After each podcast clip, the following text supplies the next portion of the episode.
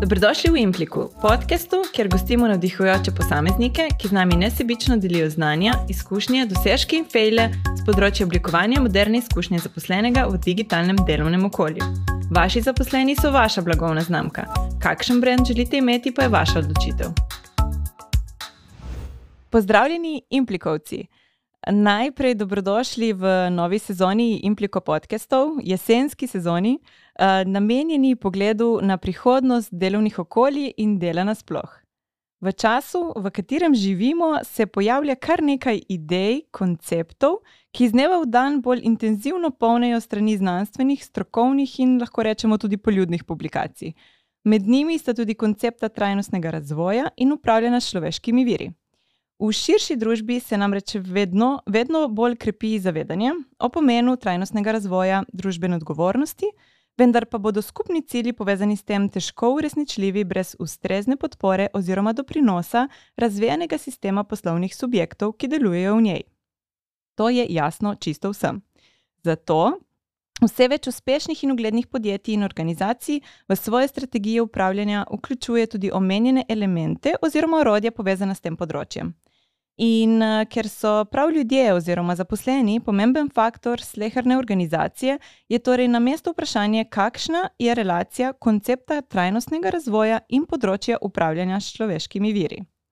In ker sama, se veste, težko operiram z buzzwordi, brez konkretne neke dodane vrednosti, sem danes v goste povabila super gostjo, uh, za katero res verjamem, da, na, da nam lahko združitev omenjenih tem razloži na primerih iz prakse. Katarina Primožič Ramoveš, lepo pozdravljena in dobrodošla na Impliku. Živijo, Tina. Kako je, evo, petek je in omenila si, da te čaka lušten vikend. Kako si uh, podopustniško razpoložena ali si že v konkretni akciji, jesenski akciji? Oboje. Tako, smo na polno v delu, uh, ogromno projektov, zanimivih, uh, pa še dva prvo, pravzaprav dva šol, šolarja imam, tako da ja, je na vseh področjih izredno pestro. Super. Jaz verjamem, da, uh, ko te poznam, no, uh, si itak aktivna na vseh področjih in verjamem, da te v bistvu naši poslušalci iz um, kakšnega projekta sigurno že poznajo. Vendar kljub vsemu, uh, Katarina je magistra, pravnica in direktorica področja kadri in kultura v podjetju NIL. Um, je podpornica in pobudica številnih idej, ki danes klijejo skozi mnoge ljudi in različne projekte v slovenskem prostoru. Na različnih področjih to lahko potrdim. Oseba je, ki z neverjetno energijo premika meje povsod, kamor pride. In zato ni nič čudnega, da je tudi področje trajnosti vzela za svoje. Um, ja, Katarina, tako kot sem ti že omenila, prva si bila, ko sem rekla, ok, kako zdaj trajnost, kaj zdaj trajnost je, kako jo upeljati v bistvu v podjetja, kdo se mora s tem ukvarjati, so to samo buzzwordi, skratka, kup enih vprašanj imam. Ampak v bistvu bi začela konkretno najprej s tabo, torej odkje izvira zanimanje za ta trajnostni razvoj um, in ja, odkje ta strast pri tebi. Ja, ful, hvala za predstavitev.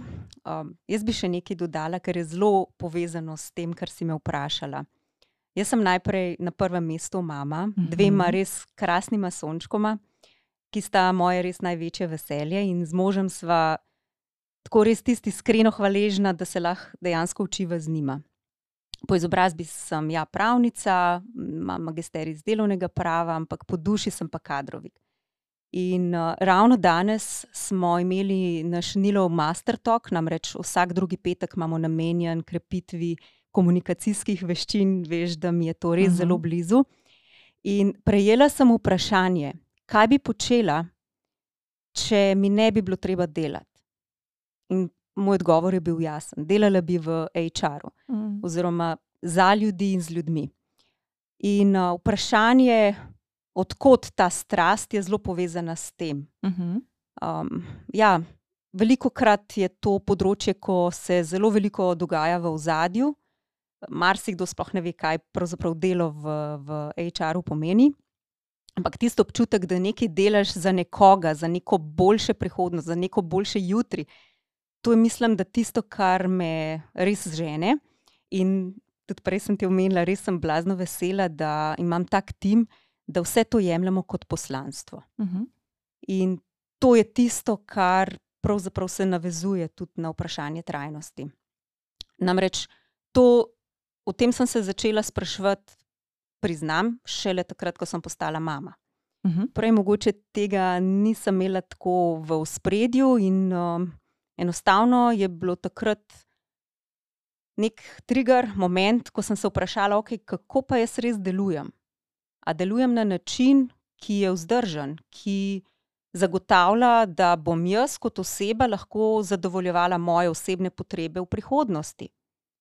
A bo okolje, v katerem sem, to sploh omogočalo? Tako da to je bil moj začetek Uh -huh. um, pogovora o trajnosti s trajnostjo, in iz tega se je potem nekako kristaliziralo vprašanje, kako delujem, zakaj delujem in na kakšen način delujem. In, Mhm. uh, ja, tako sem pristala v bistvu tudi na tem področju. Super. A verjameš torej v to, da moramo tudi iz vidika trajnosti najprej pri sebi razčistiti, kaj je to za nas kot osebe, šele potem to začeti upeljevati kot zaposleni, menedžeri, kakorkoli HR funkcije? Zagotovo. Trajnost je na prvem mestu odnos do sebe. Mhm. Kako si v danem trenutku sabo, ali ta trenutek skrbiš zase na tak način, da boš deloval lahko čez 30 let. Mhm. In to vprašanje je isto za me, torej na individualni ravni, kot tudi za podjetje oziroma, oziroma organizacijo. Mhm. Tako da, ja, zagotovo se začne pri tebi oziroma meni. Okay. Um, zdaj, uh, korona, vse spremembe, ki so se dogajale, HR je bil upet v to. Um, tudi ti si v preteklosti imela kar veliko v bistvu izpravne neke funkcije, šla v, um, v kadrovsko, iz mogoče proizvodnega podjetja, v katerem si delovala kot HR-ovka, šla v IT podjetje. Kako doživljaš v bistvu vse te spremembe in uh, kaj, po, kaj si lahko iz ene v drugo uh, vzela, povezala, kako te je to nadgrajevalo v bistvu kot osebo? Če si postavljaš ta prava vprašanja, so taki prehodi dosti jasni Uh -huh. in ugotoviš, da so potrebni. Um, to je zelo vprašanje um, tvojega osebnega poslanstva. Kaj, na kakšen način želim pustiti pečat, na kakšen način želim delovati, in ali to lahko ustvarjam, delujem na tak način, v katerega verjamem, ali okolje to podpira. Tako da to je bil pač moj proces. Um, in sem zanj hvaležna, učenje je bilo ogromno, in uh, ja, zelo povezano z vprašanjem poslanstva, zakaj sem tu, kaj želim pustiti, kaj želim pomagati, oziroma kako želim pomagati. Um, in tisto okolje, ki to sliši, vsak zase ve, kakšno je. Uh -huh. Super. Zdaj, malo naslavljamo v bistvu vse te spremembe, prehode in tako dalje, ki so se dogajali in se dogajajo pač na osebnih ravneh, in potem, seveda, vse do tistih sprememb v samih uh, korporacijah, podjetjih, kakorkoli. Um, in se mi zdi, da je trajnost ena tudi od teh velikih sprememb, ki, ali pa vlak, na katerega bomo skočili in bo nas peljal v neko spremembo.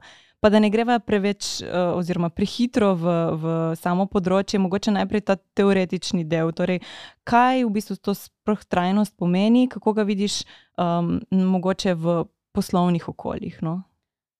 Mogoče res tako najprej zelo praktično. Uh -huh. um, dejstvo je, da tako vlagatelji kot lastniki, pa tudi kandidati, predvsem mlajše generacije na trgu talentov, želijo vedeti, kam prihajajo. Uh -huh. Želijo vedeti, kakšno je okolje, v katerem bodo ustvarjali. In tukaj se dejansko postavlja vprašanje, okay, ali podjetje ve, kakšen je njegov namen, kam želi priti in kako bo ta, to pot pravzaprav prehodilo. Tako da to je pa čist praktičen vidik, da moramo biti sposobni prikazati, kakšna je ta pot, kakšen je njen vpliv in kakšen bo končni rezultat.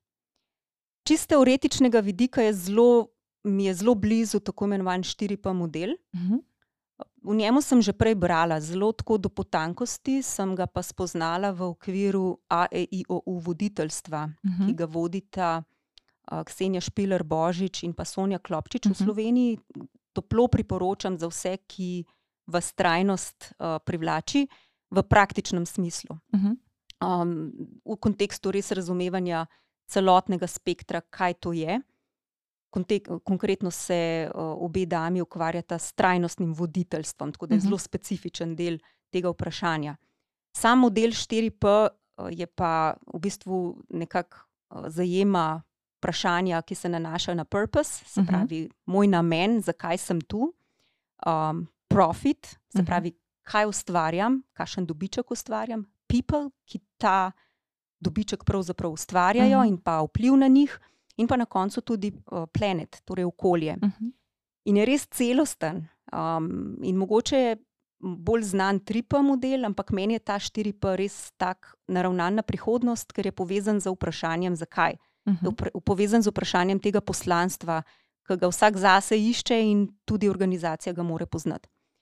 In kaj pravzaprav lahko ali organizacija ali pa individualno posamezniki s tem modelom naredijo, pomaga nam odgovoriti na ključna vprašanja. Kaj bi želeli s svojim delovanjem doseči, se pravi, zakaj smo tukaj, kakšen je naš pozitiven vpliv. Potem, kaj bodo od te rešitve ali pa moje odločitve imeli ljudje okoli mene, oziroma nekako ali sodelavci ali partnerji ali kakorkoli. Zakaj je naš profit pomemben? Dejstvo je, da je to osnovna, osnovni namen podjetij in moramo vedeti, zakaj ga ustvarjamo. In pa kakšen vpliv ima neka odločitev, aktivnost dejansko na okolje, na naravo, na planet. In ta model je res super, ker pomaga pri odgovornem odločanju in je zelo konkretno aplikativen, tako v osebnem življenju, kot tudi v podjetjih. Hvala, Katarina, za, za ta povezavo, bom rekla, bolj s teoretičnim delom. Um, kje pa v bistvu se, na katerih področjih se izraža trajnost v poslovnem svetu? Omenila si recimo zdaj voditeljstvo, eno, sigurno pomembno. Um, kje še, kje mogoče še iščemo take prve primere, kejse, kakorkoli? Če neka organizacija želi zelo praktično aplicirati trajnostne pristope, toplo priporočam, bodi si kak ISO standard. Uh -huh. V Sloveniji pa k temu pripomore sodelovanje v aktivnostih, ki jih vodi IRDO inštitut uh -huh. preko res super um, inicijative in pa nagrade, ki jo podeljujejo Horus. To mislim, da je najdlje trajajoča inicijativa, ki jo poznamo v slovenskem prostoru, ki spodbuja podjetja, da res na celosten način pogledajo na svoje delovanje, ker skozi vprašalnik, ki ga ti pravzaprav rešuješ, ko se prijaviš na to njihovo nagrado, vidiš, kako široka je zgodba trajnosti uh mhm. -huh. in sega res v vse pore delovanja podjetja. Od tega, na kakšen način pridobiva materijale, uh mhm. -huh. do tega, kakšne so nabavne verige, kako se deluje z dobavitelji, kakšen vpliv ima na vse v bistvu deležnike, s katerimi deluješ, kakšne politike poslovanja ima implementirane, kakšne etične standarde um, ali pa poslovne prakse ima implementirane, do tega, kako deluje in sodeluje z zaposlenimi, kakšni so procesi od, odločanja, sprejemanja odločitev, komuniciranja. Skratka, mm -hmm. res zelo, zelo, zelo zanimiv uh, pristop. In toplo priporočam, da se stopi v stik z njimi. Ekipa je srčno v, v, v tem in, in so res um, krasni pri vseh odgovorih na morebitna odprta vprašanja. Drugi praktičen pristop je lahko preko certificiranja. Konkretno, mi smo šli, mislim, da smo bili prvi v Sloveniji, ki smo se tega certificiranja lotili gre za družbeno odgovoren delodajalec uh mhm. -huh. oziroma podjetje, um, kjer je dost podoben pristop, um, kjer ravno tako skozi poseben certifikacijski postopek spoznaš najprej, kje si, uh mhm. -huh. raziščeš, kakšne pravzaprav imaš interne procese in ti potem tudi z zunanjo pomočjo. Um, konkretno prek inštituta Equilib pomagajo, da pač identificiraš ukrepe, kjer lahko narediš premike. In tukaj pridemo v bistvu do tvojega vprašanja. Ne vem, sem ti rekla, da znam zapravljati. Ampak, ne, uh, uh, ja, torej vprašanje, kje konkretno, ne, mi uh -huh. smo se lotili res osnov, od tega, kako upravljati s um, odpadki na še bolj optimalen način, uh -huh. kako nabavljati še bolj varčne uh, žarnice, okay, uh, kako super. interno to ozaveščati kako nabavljati materijale ali pa orodja, ki so varčni, uh mhm. -huh. tudi na varčen način in dobave na tak uh mhm. -huh. način, kako lahko tudi vplivati na dobavitelje. in podobne stvari. No. Uh -huh. Tako da je zelo široka zgodba in terja res povezanost več področji in pa zavezanost vodstva. Uh -huh. Super. Uh, definitivno mislim, da si nam dala od širše slike k konkretnim tematikam in to je to, Katarina, kar okay. želimo. um, ja, ok. Um, zdaj pa kako v bistvu Kje ima pa zdaj vlogo kadrovska funkcija v vsem tem? Torej, definitivno je potrebno, kot si omenila, um, neko sodelovanje več različnih področji. Um, tematika je sigurno širša, vodstvo jo mora podpirati. Um, sigurno je to dolgoročna zgodba in je verjetno tak projekt ne bomo zapeljali v, v roku enega meseca in ga zaključili, kar je logično. Torej, moramo biti tudi potrpežljivi in zahteva verjetno res strateško usmeritev. Um, Ampak kako in kje je zdaj tukaj pozicionirana kadrovska služba, um, in kako je lahko leta mogoče spodbojevalec vsega tega? Tako kot vsako stvar, da se premakne, je potrebna neka aktivnost, in uh mhm. -huh. za to aktivnost so potrebni ljudje. Uh mhm. -huh. Jaz vedno pravim, da so potrebni ta pravi ljudje, ki imajo ta pravo vizijo in predvsem pogum, da to vizijo udejanjajo. In tako da ne bi tukaj mogoče govorila o fun kadrovski funkciji. Uh -huh. Tukaj mhm. mislim, da lahko kjerkoli področje inicira spremembo. Okay. Um, zavedanje je tisto, kar je ključno, in naravnanost, da je pač to prav, um, uh -huh. je, je pomembna. Ok, sama pač ja prihajam iz tega področja. Um, dejstvo je, da se je s COVID situacijo to zavedanje, da je nek socialni element uh, močnejši, uh -huh. uh, potreben in da je tudi ključ za doseganje nekih sprememb, eh, nekih premikov eh, do neke večje blaginje, in seveda ključ do teh sprememb so ljudje.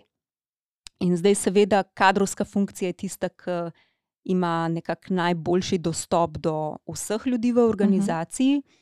Um, ta je tista, ki ima dostop do vseh procesov, uh -huh. uh, do konkretnih, bom rekla, internih pravil, uh, do nekih metod, modelov, ključev. Skratka, ima zelo, zelo široko možnost vplivanja, uh mhm. -huh. ravno preko tega dostopa. Zato se mi zdi um, to hkrati tudi priložnost za kadrovsko funkcijo, da pač pomaga organizaciji razmišljati drugače. Uh -huh.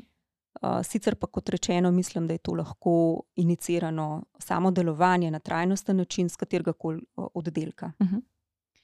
Ok, in potem mogoče poveš na svojem, oziroma vašem konkretnem primeru, ali pa tudi uh, na splošno, torej, ko enkrat vzpostavimo neko zavedanje v podjetju, zdaj spet ali pride to iz HR, uh, bom rekla, oddelka ali katerega koli drugega, kot si omenila, kako potem naprej, oziroma kakšni so lahko konkretni koraki. Um, kako mogoče dediciramo ali pa vidimo neke kvikvine, kateri nam nekaj že pokažejo, um, kako ste se mogoče vi tega lotili, in kako je to potem eh, vzpostavljanje v bistvu tudi skozi celotno podjetje, od zavedanja do, do tudi konkretnih korakov.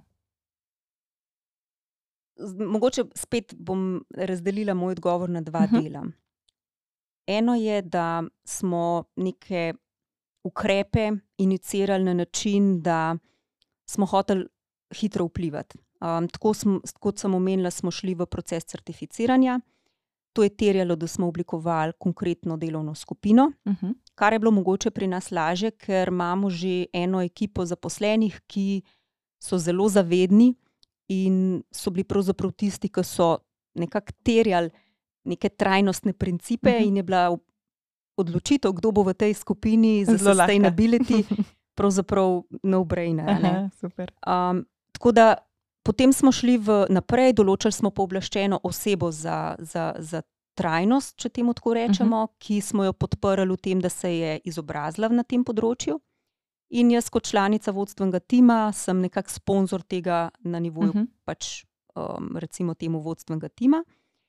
Um, hkrati smo inicirali neke programe, kjer je bila oseba, ki je zadolžena, konkretna naša kolegica, ki je vodja marketinga, uh -huh. uh, da je pripravlja programe izobraževanja, kjer smo nekako skozi celo leto uh, preko virtualnih srečanj um, spoznavali, kaj se dogaja, kateri ukrepi so bili sprejeti, zakaj je to pomembno, in res dal tako praktičen, kot tudi teoretičen pogled v mhm. tisto tematiko. Tako da to se mi je zdelo zelo, zelo uporabno, s tem, da to je bilo vse na tako. Ni bilo pač obvezno, ne, je bilo okay. pač res zelo tako, um, pač priložnostno.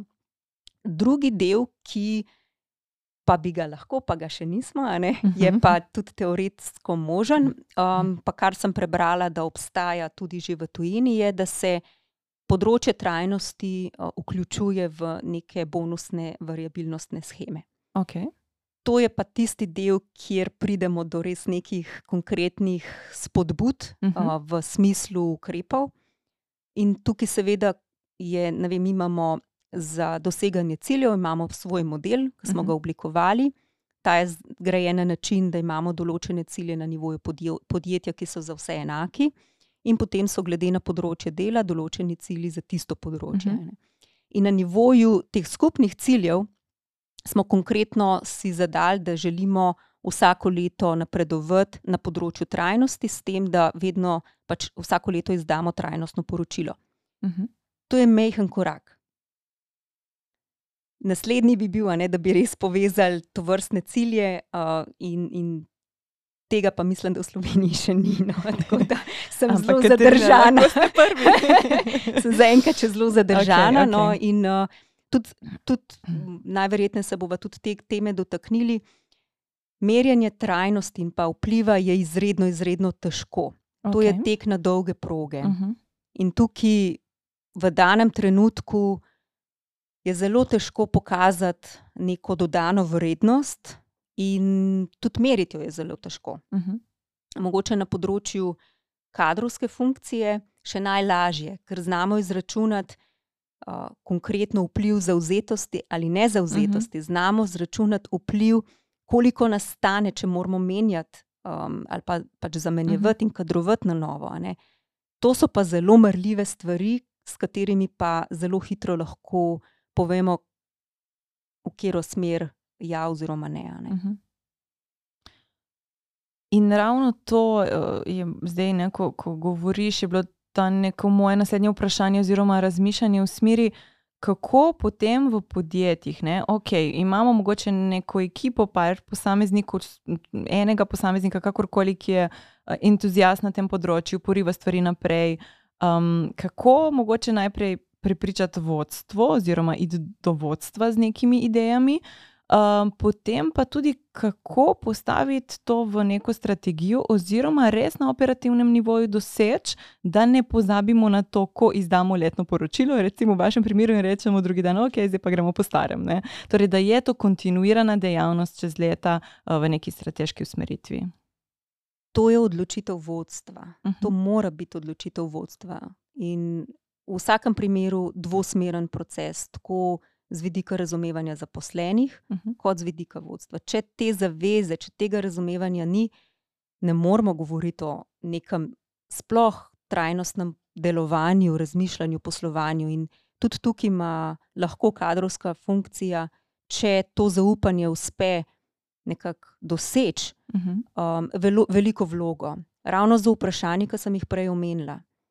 Če imamo možnost, da smo v timu ljudi, ki odločajo, je naša naloga, da sprašujemo ta prava vprašanja.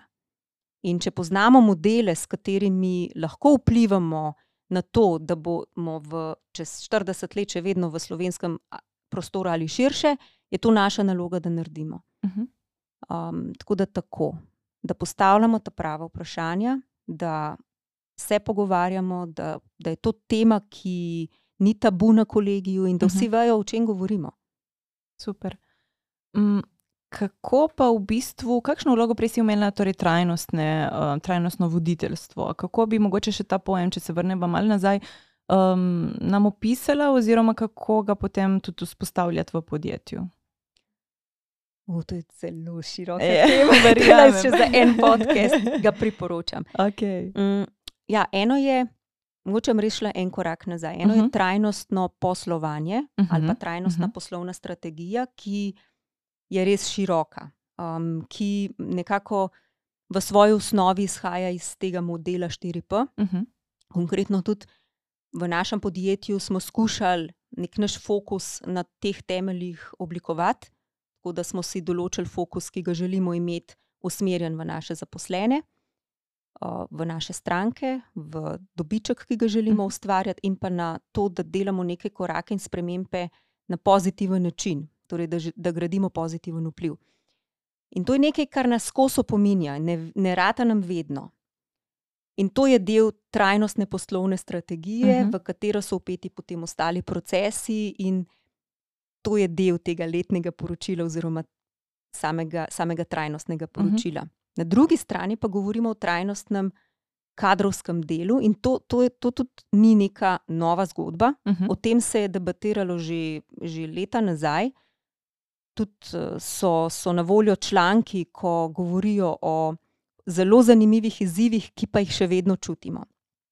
Namreč trajnostni HR je, ali pa trajnostna kadrovska funkcija, uh mhm. -huh. tista, ki se zaveda potreb jutri, neguje hkrati ta trenutek svoje zaposlene, hkrati pa gradi potrebe za prihodnost. Uh mhm. -huh. Hkrati naslavlja potrebe posla, da ta trenutek doseže cilje, ki jih pač more, ampak to dela na način, da bo ta obstal tudi čez 30 let. Uh mhm. -huh. In to so neki zelo zanimivi izzivi, ki jih v bistvu se dejansko še vedno soočamo z njimi. In, um, in je to tisto tudi najtežje, kar pravzaprav moramo naslavljati. Uh mhm. -huh. Kako to naslavljamo? Z zelo ekstenzivnim pogovorom, vključevanjem, res mislim, da je tle komunikacija najbolj ključen element, najbolj pomemben, bom rekla, element, ki pomaga, da te vrzeli ali pa nasprotja, ki so um, kot posledica tega, te želje po trajnostnem pristopu, do katerih prihaja. Torej, mislim, da je to komunikacija. Uh -huh. Máš mogoče za naš kakšen konkreten primer iz vaše zgodbe, ali pa kakšno zanimivo spoznanje, kakšen nov izziv, ki ste ga v tem v bistvu, času, odkar ste začeli z, z to usmeritvijo, um, spoznali, um, se soočili z njim, kakorkoli?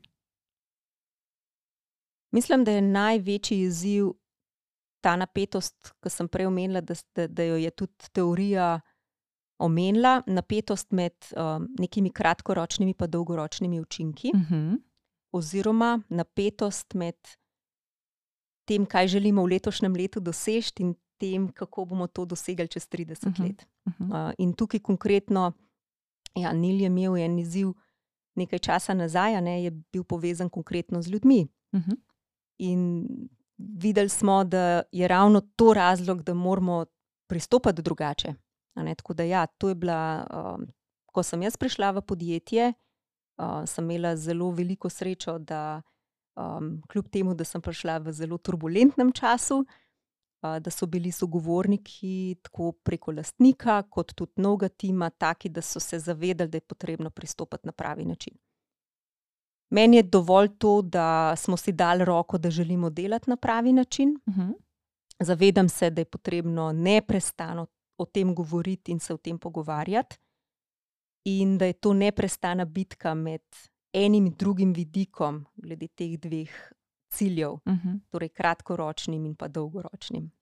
Prej, kakšna bo mesečna, kvartalna, pa letna številka, potem kako bomo dobro veš, o čem govorim. Vse jasno. In ja, tudi sama v bistvu zaznavam, to, to je problematika in v bistvu vse, um, vse, bom rekla, tematike, ki so povezane z mogoče z dolgoročnejšimi zgodbami, zato sem te prej mogoče malo bolj iz, izvala, kako potem res na operativni ravni zagotoviti, da bomo kontinuirano delali na nečemu, kar se mogoče neki učinki ne bodo čez danes. Um, Pač pokazali, oziroma številka ne bo tista, ki bo pač res izražala to, kar počnemo na dnevni ravni, in kako res, um, in kdo je tisti, ki mora to spodbujati, pušati, biti ustrajen, potrpežljiv, kakorkoli. In jaz si lepo rekla, v bistvu od top-down, neka approach, torej vodstvo je tisto, ki mora imeti tak mindset. Um, verjetno pa kadrovska služba je tista, ki lahko poriva na dnevni ravni, tudi no, naprej ozavešča uh, in tako dalje. Ja, res je zanimiv krok to. Mm -hmm. um, podjetje mora ustvariti tako okolje, da se ljudje počutijo varno, varno da dajo feedback, da dajo povratno informacijo, kakšna je situacija. Uh mhm. -huh. In vodstvo mora odreagirati. Uh mhm. -huh. Najmanj s pogovorom, najmanj da se sliši, in potem začeti reševati stvari. In tudi to terja čas, In moja izkušnja je, da to zelo veliko krat celo preveč časa, Uh -huh. po drugi strani pa mm, je slovenska cokla, da Mhm. povemo takrat, ko je prepozno. Tako da tukaj se moramo tudi v smislu podpore zaposlenim neprestano soočati ali pa spodbujati to, da se pove takrat, ko pride do trenutka. Sej veš, tudi v osebnem življenju, povej takoj, ne čez Mhm. en mesec, ko bo prepozen. Tako, no. Ja, ja. In tukaj mogoče pride ta spet ne vloga kadrovske ozaveščanja, mogoče neke proaktivnosti oziroma zaznavanja, da nekaj ni, pa spodbujanja komunikacije mogoče in tako dalje. Ne? Um, super, zdaj pa mogoče izzovem še eno drugo tematiko, ki me tudi malo mori, v bistvu povezano s trajnostjo.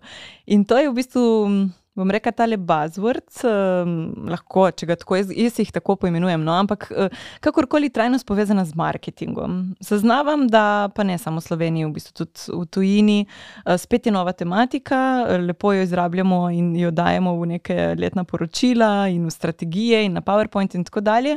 Um, In ja, mogoče je tudi v tematikah povezanih ne samo z eksternim marketingom, mogoče tudi z employer brandingom, včasih malo preveč eh, izrabljamo v marketinške namene, v ozadju pa čisto, če smo iskreni, mogoče niso tako dobre prakse. Kako zaznavaš sama to um, in ja, kako bi mogoče to nagovorila? No?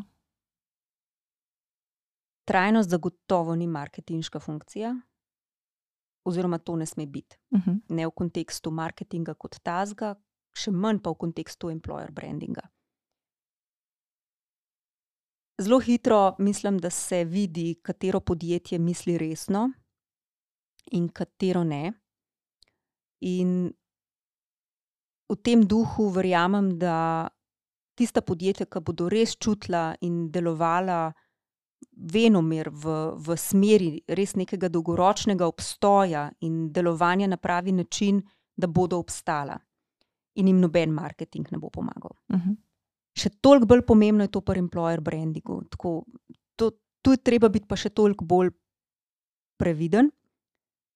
Super mi je primerjava ene kolegice iz enega podjetja, s katerim smo se pogovarjali o employer brandingu. Ona je rekla, to je obljuba, ki jo daš ti, bodi si zaposlenim, bodi si ljudem, ki so tvoji potencijalni novi partnerji Uh -huh. oziroma kandidati. In to je res, vse veš, kaj se zgodi, če ta obljuba ni izpolnjena. Uh -huh. To velja v osebnem smislu, oziroma individualno, kot tudi v podjetju. In mislim, da je treba biti izredno previden, da ljudje so izredno pametni. Jaz prihajam iz IT-ja, pač povedati moraš tako, kot je. Uh -huh. Povedati moraš tiste stvari, ki so res, ki res držijo, ne pa ustvarjati nekih buzzwordov, uh Mhm. -huh. ki privabijo. In jaz verjamem, da ljudje to čutijo. Moja izkušnja je taka, da um, tudi pri employer brandingu, če izhajaš iz tega, kar je res v, v, v okviru že interne komunikacije in se uh Mhm. -huh. projicira navzven, to je to. Uh -huh. Um, trajnost uh, v te namene je zgrešena. Hvala. In pika. Ja, mislim. ja, mislim, se absolutno strinjam s tabo. Um, pa mogoče, kako pa meniš, da lahko pa uporabljamo oziroma povežemo trajnost v dobre namene uh, z employer brandingom? Torej, kako še vseeno se to lahko prepleta, um, da je mogoče pozitiven rezultat?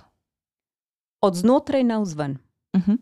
Kot rečeno, to, kar se dogaja v podjetju, predstaviti na nek ustrezen način, to pa je prava, prava pot. Tudi mi, konkretno v našem podjetju, smo se skušali lotiti na tak način. Ne uspe nam vedno, se naučimo, popravimo, gremo na novo, ampak zdi se mi res pomembno zavedanje, no, da Uh -huh. enostavno ne moreš napisati nekaj, kar ne velja. Pika. Mislim, obljuba je obljuba. Jaz jo obljubo zelo resno jemljem. Uh -huh. in, Mhm. in tukaj se mi zdi pomembno, da to organizacije generalno razumejo in da se ne igrajo z ognjem, no, ker se jim bo, ne bo se jim dobro išlo. Uh -huh. In zagotovo dobre zgodbe, ki sem jih prepričana, da jih je ogromno v, v internih skupinah med zaposlenimi, To je tisto, kar je pravi employer branding. Mm. V zvezi s tem, tudi kaj se dogaja na področju trajnosti, um, to, kar povejo zaposleni, če podjetje varčno deluje, če podjetje resnično deluje v tem smeri, kar pač pove in govori. To je edina pot, v okviru katere menim, da je tudi trajnost na področju employer brandinga ustrezna. Zato, da pa pač zgolj imaš certifikat, pa mislim, da to ni dovolj. Uh -huh. To je treba živeti, o tem se je treba pogovarjati, um, o tem je treba pisati. Pa ne na vzven, ampak uh -huh. interno. Torej, um, večkrat lahko slišim transparentnost. Absolutno. Si zagovornica tega, da je v bistvu to tudi prihodnost povezana z vsemi tematikami, torej od employer brandinga do, do v bistvu trajnosti in ostalih zadev. Vedno pravim, če poveš tako, kot je, se ne moreš faliti. Uh -huh. In se nikoli ne moreš zaplezati. Super se, se strinjam. Čeprav mogoče včasih je težko kdaj ne povedati, kako ti je. Bodi raje tiho. okay. Razumem. Dobro, sama sebi vedno rečem, da sem veliko krat tiho, ne boš okay. verjela. Kur, Katarina. Um, ok, mogoče. Um, Bi šla še na kakšne konkretne v bistvu prakse? Zdaj, uh, verjamem, da si preučila tudi uh, kakšne mednarodne, preden si se lotila vašega, recimo, projekta. Um, kaj takega konkretnega za nas, kar bi naši poslušalci lahko jutri v bistvu razmišljali o tem, uh, jutri implementirali v podjetje ali pa vsaj ja, počasi postopali um, k tem novim tematikam? V tujini mi je izredno blizu uh, Perry Teams najbrž uh -huh. veš, on je svojo zgodbo in svojo ekipo. Se mi zdi, da res srčno deluje v smeri pravih poslovnih praks prihodnosti in skuša podpreti podjetja, da implementirajo res take prakse, ki, ki grejo v tej smeri, uh -huh. da so dolgoročno naravnane, da delajo na pozitivni energiji in da res pač preživijo, um, ne samo životarijo. Uh -huh. In uh, njegove, konkretno, kar pač njegova ekipa dela, je, je zagotovo nekaj, kar priporočam, da si ogledate, preberete, spremljate, ker ogromno um, njegova ekipa tudi objavlja in je super, uh, super smernica za, uh mhm. -huh. za, za vsakogar, ki ga tematika zanima. V Sloveniji jaz moram deliti, uh, ni sicer. Bom rekla, nek primer, ki ga vzameš, pa, pa ne, uporabiš v podjetju, ampak mene se je dotaknil na lansko letni podelitvi nagrad za najboljše kadrovske prakse uh -huh. uh, v okviru, mislim, da je to GV Planet. Uh -huh. Je bil predstavljen projekt Sopotnik. Okay. Predstavitev te dame je bila tako srčna, je bila res je izhajala iz tega, da s celim bitjem verjame, da to, kar delajo, je dobro in, in dejansko delajo noro, odlično. Zdaj niso več samo na primorskem, ampak so na več koncih Slovenije. Nam lahko malo več poveš, mogoče za tiste, ki ne poznajo? Gre za prostovoljno. Ne vem točno, kakšna je pravna oblika, mislim, da društvo ki, uh mhm. -huh. ali pa neprofitno organizacijo, ki s pomočjo prostovoljcev zagotavlja prevoze starejšim osebam oziroma osebam, ki si prevoza preko javnega um, nekako uh, javno organiziranega prometa ne morejo privoščiti, ali pa uh mhm. -huh. enostavno ga ne zmorejo zaradi nekih fizičnih omejitev.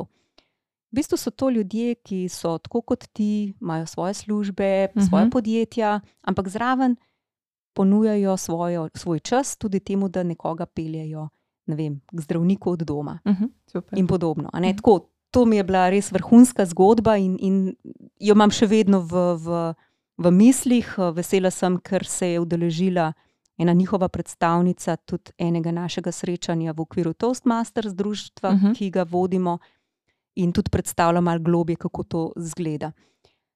Um, ja, ti dve mogoče praksi, tako v tujini, pa mogoče doma. Um, praksa sopotnik mi je pa dobra zaradi tega, ker zelo dobro odgovarja ali pa nakazuje na to, da so našli svoje poslanstvo. Oni pač želijo pomagati, konkretno, točno, kjer je oseba in na kakšen način. In tukaj ni, je zelo jasno, kaj mhm. želijo doseči. Tako, to mi je bilo zelo zanimivo. Kje pa mogoče vidiš na drugi strani izzive slo na slovenskem ali pa v slovenskem prostoru, poslovnem prostoru, da ne greva širše? Um, kako ali pa na kakšen način pušati to, to tematiko trajnosti naprej? Vemo, da se veliko posameznikov trudi um, na tem področju, vsaj jo zaveščati, ampak kako mogoče res um, imaš še kakšno dodatno idejo ali pa vsaj HR področje, recimo, kako bi. Zdi se mi super, ker je res ogromen združen, oziroma nekih interesnih um, ja, združen, uh mhm. -huh. ki se s tem ukvarjajo. En vidik je zelo pravni. Tukaj imamo zelo velike izzive z davčno zakonodajo, ker če izhajaš iz kadrovske funkcije in želiš podpreti zaposlene v neki smeri, si zelo omejen.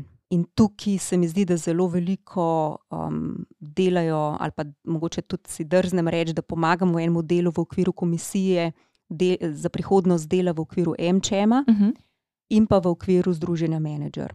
Tudi tam deluje ena trajnostna ekipa. Jaz sicer zel, sem samo še preklopila zraven, nisem še veliko naredila, tako da tukaj je gospa Edita iz Medijat, um, uh -huh.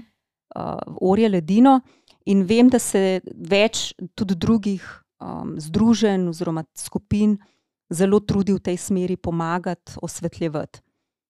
To je en, en, ena pot, in, in če prihajaš iz HR sveta, je to zagotovo nekaj dobrega, ker imaš znanje, imaš zavedanje in imaš neko večjo organizacijo. Mm -hmm. Super se mi zdi tudi delovanje v okviru HRM in The New World, ki ga vodi mhm. Tamara uh -huh. z ekipo, Tamara Valenčič. In tudi tukaj se nahajajo ogromno znanja, energije, zavedanja in tudi zahtev po uh mhm. -huh. konkretnih spremembah. Uh, tudi že ime samo se mi zdi, da je zelo tako, da je naravnano na prihodnost in, in zagotovo je vključitev v to vrstne. Um, zdru, to vrstna združenja, prava pot za vse, ki želijo prispevati, mhm. pomagati. Um, več nas je, močnejši smo, glasnejši smo, in to se mi zdi en tak pameten premik ali pa že kar povabilo. Super.